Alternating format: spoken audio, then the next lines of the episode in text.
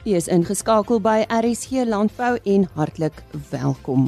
Ons gesels ver oggend met die Landboubemarkingsraad oor uitdagings in die landboubedrywe en die impak daarvan op die verbruiker.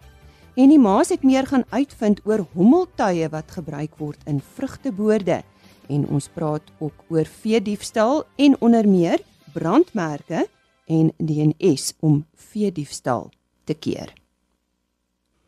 Ons begin met landbou nuus. Volgens Leon de Beer van die Nasionale Wolkwekersvereniging is woluitvoere na Egipte gestop. Dit volg na Suid-Afrika se back-enclosure vrye status onlangs opgehef is. Egipte aanvaar slegs wol uit back-enclosure vrye lande. Woluitvoere na Europa word egter nie tans deur die situasie beïnvloed nie. Wol na China en Indië mag ook volgens die huidige uitvoersertifikaat steeds gesertifiseer word vir uitvoer. Die uitvoerder moet wel 'n vrywaringsvorm teken weens die moontlikheid dat die land waarheen die wol uitgevoer word dit steeds mag weier as gevolg van die uitbreking. Ons uh, praat nou met James Patterson. Hy is uh, van Air Robotics en hulle spesialiseer in die gebruik van hommeltuie in, in vrugteboorde. Uh die hele saak van hommeltuie en vrugteboorde, is dit 'n relatiewe nuwe ding James?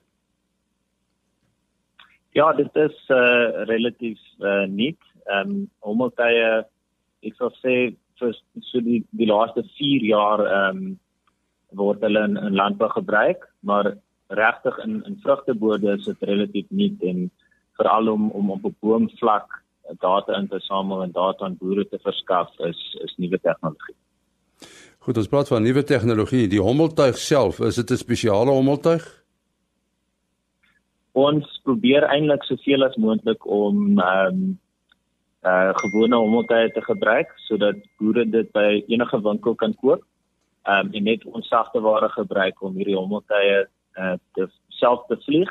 Ehm um, die sagte ware vlieg outomaties die hommeltuie ehm um, samel die die fotos in en dan die groot ding van ons kant af is is ons analiseer daardie fotos met uh, machine learning tegnologie om ehm um, bome te tel, ehm um, siektes op te tel in die bode en en plaae ehm um, te identifiseer. So, so dit is 'n groot fokus vir ons.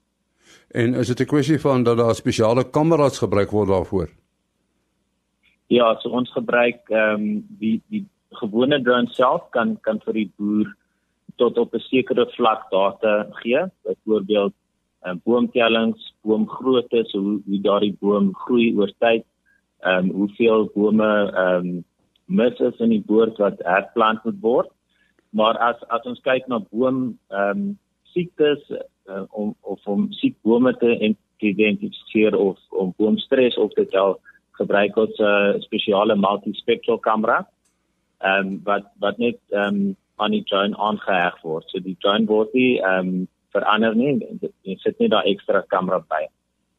En en die eh uh, kameras is dit nou ges uh, gespesialiseer om byvoorbeeld perskes af te neem of om pere af te neem of is dit meer algemeen? Die kamera self is is algemeen. So die kamera samel ehm um, data in uh, byvoorbeeld visuele fotos wat ons as as mense kan sien en dan die die spesiale kamera, die multi-spectral kamera samel dan fotos in wat buite ons ehm um, ons visie is. So dis uh, meer infra infrarooi fotos en uh, red edge fotos wat ingesamel word. Dan om om vrugtellings en en um, siektes te identifiseer, dis waar ons sagteware dan inkom waar ons ehm um, spesialiste gebruik het om die sagteware basies te leer hoe om hierdie goed te identifiseer. So dit is interessant dat dit werk amper soos soos 'n mens. Ehm um, jy gee vir die sagte ware baie voorbeelde van hoe pers gelyk of of hoe hoe 'n lemoen lyk en dan oor tyd begin dit weer hoe om daai te identifiseer. So die uh, die sagte ware het jy gesê die vlieg die die hommeltuig basies self. Dis reg ja, so dit uh, die jy as jy eie hommeltuig het kies jy wat se boorde jy data vir wil hê. Ehm dit styg self die hommeltuig op, dit vlieg dit uh heen en weer oor die boord en en neem al die die fotos van self en dan kom dit self terug en kom land weer. So daar's daar's baie basies ehm um, niks wat jy as as 'n mens hoef te doen nie. Ehm um, jy kan natuurlik self die dan ook vlieg, maar ehm um, ja, ons ons sagteware hanteer alles. En uh een van die beperkings van hommeltuie is die batterylewe.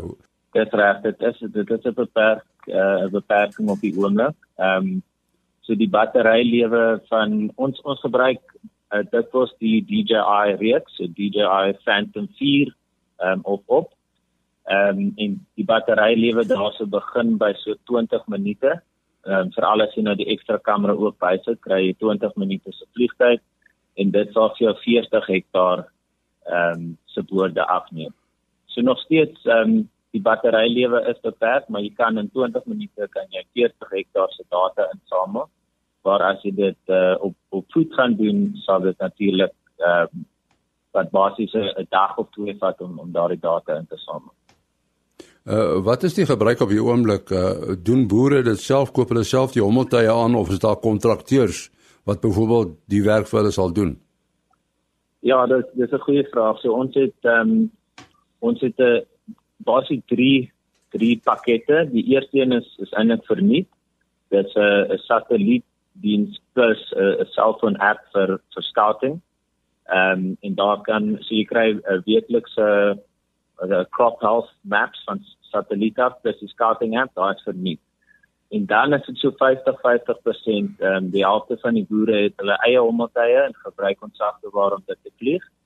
En dan het ons ook 'n diens opgestel om ja, om 'n diens aan die boere te lewer en daar ehm um, betaal die boere 'n maandelikse fooi en ons ehm um, kom uit en vlieg uh, gedurende die, die seisoen om vir die boere die data te gee.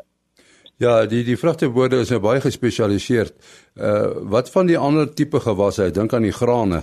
Ja, dit is dit is baie gespesialiseer. So in in die vrugteboorde kan ehm um, analiseer ons elke boom en ons ehm um, ons uh track daardie boom oor tyd. So ons kan uh, spesifiek spesifiek sê hoe bome groei en as bome uh, siektes kry en so. Ehm um, in die ander gewasse werk die die satellietdata eintlik baie goed. So ons kyk na die graangewasse of mielies byvoorbeeld. Ehm um, kan boere eintlik ons ons vernietstelsel gebruik wat wat die die sat, satelliet gebruik om swak polle in die ehm um, in die lande op te tel. Ehm um, en dan kan ons ook met die drones kom, maar die areas daarso uh, is groot. Ehm um, en en dit gee natuurlik baie hoër resolusie. So so ons agterware werk vir vir enige gewas ehm um, wat groei, maar in die boomgewasse ehm um, gee ons 'n bietjie meer inligting. Ja, dink nou aan die wildboere wat wildtellings wil doen. Julle doen nie dit nie. Ons het so 4 en 'n half jaar terug begin en toe toe ons begin het, het ons ehm um, wildtellings gedoen, ons het eh uh, uh, sekuriteit gedoen, ons het uh, mynbou gedoen en landbou. Ehm um, maar ons het 'n uh, besluit gemaak 'n uh, paar jaar terug om regtig te fokus op die ehm um, op op die landboukant. Ehm um, om regtig genoeg waarde aan ons aan ons kliënte te voeg. So ons het ons het die, wild, wildtellings kant van die besigheid gestop op daardie tyd. Maar dit is 'n baie in, interessante probleem um, om dit te doen en, en natuurlik die die huidige manier om dit te doen van helikopter af is, is redelik duur. So ek dink drones sal, sal in die toekoms daar gebruik word ook. Ja, ons sê baie dankie aan James Patterson van uh Air Robotics en uh, hy spesifiek gepraat oor uh hoe hommeltuie gebruik kan word by vrugteboorde. Met heelwat ekonomiese en politieke veranderinge op die agenda, vertel Dr. Christie Huber van die Nasionale Landboubemarkingsraad ons nou watter uitdagings die landbou vanjaar voor moet regmaak en hoe dit verbruikers gaan beïnvloed. Nou uh Dr. Christie Huber is bestuurder agro voedselketTINGS in die bemarking en ekonomiese navorsings afdeling. Nou Christo, watter landboubedrywe kan uitdagings verwag in 2019? Goeiedag. Goeiedag Lize en goeiedag aan die luisteraars. Ja Lize, dis 'n dis dis dis ons gee weer interessante tye en ons kom uit 'n ons kom uit 'n omgewing waar ons nou eers die ehm um, voelgriep gehad het vir die goederbedryfetjie uh, lelik geknal het en toe is dit die listeriose laterand en ek hoor daar's groot sake nou aan met met ehm um, Tiger Brands etc en ek ek hoop die goederes word baie maklik uitgesorteer. Lyk dan of daar 'n bietjie vertroue terug in die in die varkvleisbedryf is.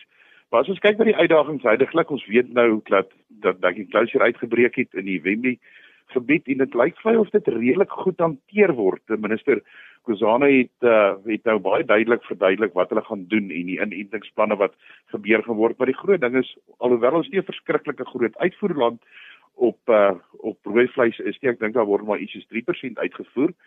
Gaan dit verseker, gaan dit verseker daai uitvoere benadeel. So die rooi vleisbedryf gaan heel waarskynlik bietjie skare kry en uitdagings kry wat aangespreek moet word. En dan as ons kyk na die klimaatstoestande wat veroorsaak het dat baie van ons boere laat plant so die optimale planttye is verby en ek verstaan daar is ouens wat wat wat wat tot onlangs nog mielies geplant het. Ehm um, ons moet net dalk met graan isa verder gesels daaroor en hulle opinie kry. sien ons dat graanpryse verskriklik gestyg het die afgelope Desember maand. Ek dink amper iets so R600 wat en ons kom ook van 'n baie laer basis af as die vorige jaar toe ons hierdie baie mooi oorskot gehad het. So dit gaan 'n impak, direkte impak op die hoenderbedryf hê en op die varkbedryf wat baie voer gebruik en wat baie mielies in dit gaan. En dan ook natuurlik ons suiwelbedryf wat wat uh behoort benadeel te word in in die hele stelsel. So watter bedrywe behoort dan 'n goeie 2019 te ervaar? Ja, ek wil amper sê dit is dit is maar van ons bedrywe wat ons al baie in die verlede gedraai het om ons handelsbalans positief te hou en dit is vir ons uitvoerbedryf, ons vrugtebedryf, ons neute, die sitrus wat wat wat nou volg. Ehm um, en dis suiwer as gevolg van die wisselkoers. En dan lyk dit ook as ons net so vinnig bietjie kan gesels oor die wisselkoers, dan lyk dit ook geleide wat gemaak word dat as die verkiesing verby is, hoort die redelike baie goeie stabiliteit um, in die in die stelsel in te kom en dit behoort dalk ons wisselkoers bietjie te help. So hulle gaan die bedrywe gaan dan verseker geaffekteer word, maar weer aan die ander kant is is as ons begin kyk na die koste knyping effek bied al die um, intermediêre produkte wat ons invoer, dit behoort dan weer baie goedkoper te wees. En dan op die internasionale front, uh, hoe gaan dit ons plaaslike produsente uh, beïnvloed in dit wat gebeur en ons dink nou maar aan die uh, die die Brexit en die besluite wat nou nog nie finaal gemaak is nie. Ja, onder andere die Brexit die besluite dit bring maar nog baie onsekerheid uit. En as ek dit dan vinnig ook ook noem wat op die internasionale front gebeur, ons sien dat graanvoorraad vlakke redelik hoog is. Eerstens as ons plek eerste plek as ons kyk na koring, sien ons dat die ehm um, geprojekteerde ehm um, handel baie hoër is of nou verminder word aan die een kant deur Australië, die EU en die en die, en die VSA en waarvan hierdie uitvoere vervang word um, met uitvoere deur Rusland en dan ook die die Swartsee en ons sien dat hierdie goederes op 'n redelike ehm um, konstante basis besig om plaas te vang. So ons praat eintlik daarvan 'n substitusie effek as ons kyk na rys wat ook gesien word as 'n stapelvoedsel maar vir ons meer middelklas inkomste persone in Suid-Afrika sien ons dat die produksie hoër is so ons kan verwag dat pryse laer internasionaal gaan wees wat wat wat dan ook die ingevoerde pryse bietjie behoort af te bring. Die lewende hawe aanbod op die internasionale vlakke is laer. So daar kan ons verwag dat op die internasionale vlakke pryse op beesvleis hoër behoort te wees selfs wees ons sien ook dat die produksie op pluimvee laer is. So prysvooruitskattinge ehm um, behoort ook dan in die teenoorgestelde rigting daarvan te beweeg. Uh, waar kan daar knelpunte wees en waarna moet ons vanjaar oplet dink jy? Wel ons weet dat ons 'n baie um, moeilike politieke omgewing op die stadium beleef met met met van die uitsprake wat gedoen word oor die grond en ek weet daar's daar's heel wat studies wat op die stadium gedoen word. Ek weet uh, uh Terbota het ook na die dag 'n paar goeders uitgewys wat die impak behoort te wees op die die BBP en so voort. So die politi politieke veld bly vir ons 'n baie groot uitdaging. Daar wil ek ook dan net baie duidelik stel dat ons moet nie landbou gebruik as 'n speelbal in hierdie veld nie. Dit is regtig vir baie baie groot risiko. Maar kom ons hoop en vertrou die verkiesing verloop soos wat dit moet verloop. Daar word baie mooi geleide gemaak. Vooruitskattinge wys ook dat as minister um, Cyril Ramaphosa as president inkom, dan behoort daar klomp veranderings in die kabinet te wees en uh, en dan dink ek gaan dit baie baie stabiliteit aan die een aan die een kant inbring.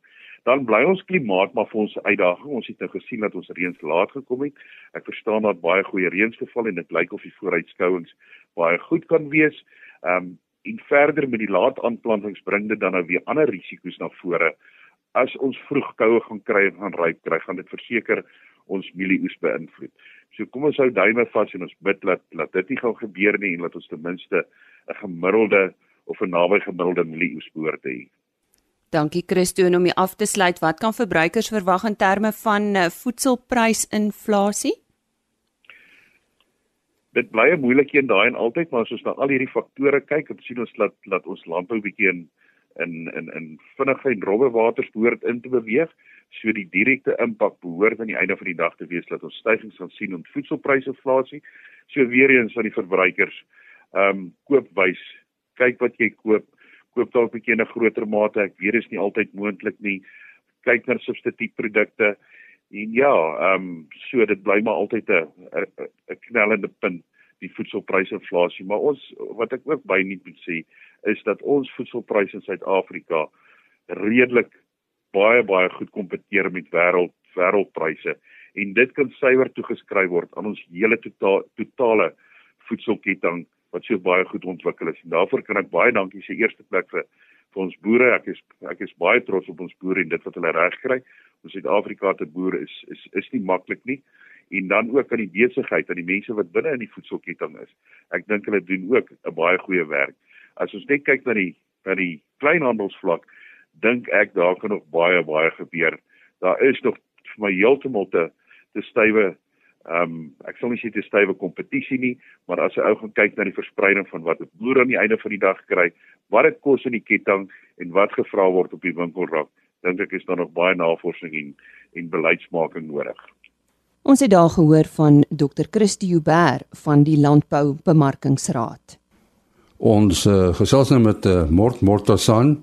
Hy is daar van Utrecht se wêreld en uh, ons gaan 'n bietjie met hom praat oor hoe mens vee diefstal kan bekamp met uh, met brandmerke en DNS monsters. Nou mord brandmerke is natuurlik 'n 'n soort van tegniek wat al baie lank gebruik word, nê. Nee. Ja, brandmerke, jy het twee verskillende maniere van brandmerk. Jy het 'n ysbrandmerk, 'n koue brand of 'n warm brand. Jou warm brand is die algemene ding wat 'n mens uh gebruik. Dit is as jy jou brandeysters warm maak en jy sit daai warm brandmerk, daai brandeyster op die bees en dit brand uh, uh maak 'n roofie en dit jy kan die brandmerk daaraan lees. En uh dit is eintlik verpligtend nê. Nee. Die uh wet van identifikasie sê op die ouderdom van 2 tand moet 'n bees gebrandmerk word. Die wet sê ook op die ouderdom van 6 maande moet hy gemerk wees en dit is 'n geregistreerde merk van die wet van identifikasie. Nou as 'n mens uh, jy spraak oor brandmerke, is dit 'n uh, uh, tegniek wat uh, volmaak is of, of is daar probleme daarmee?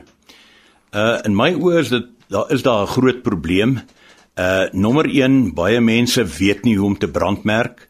Uh hulle hou die yster te te lank. Uh hulle koel nie die brandmerk af nie en dit ma uh, maak dat daar klatting is. Baie mense ook hou nie van 'n brandmerk of 'n syfer wat uh sê op sy sy lê en hulle besluit hulle draai hom weer reguit op en uh as 'n mens kyk na daai brandmerk en 'n mens voer hom in die rekenaar en dan kom hy uit op iemand anders se naam.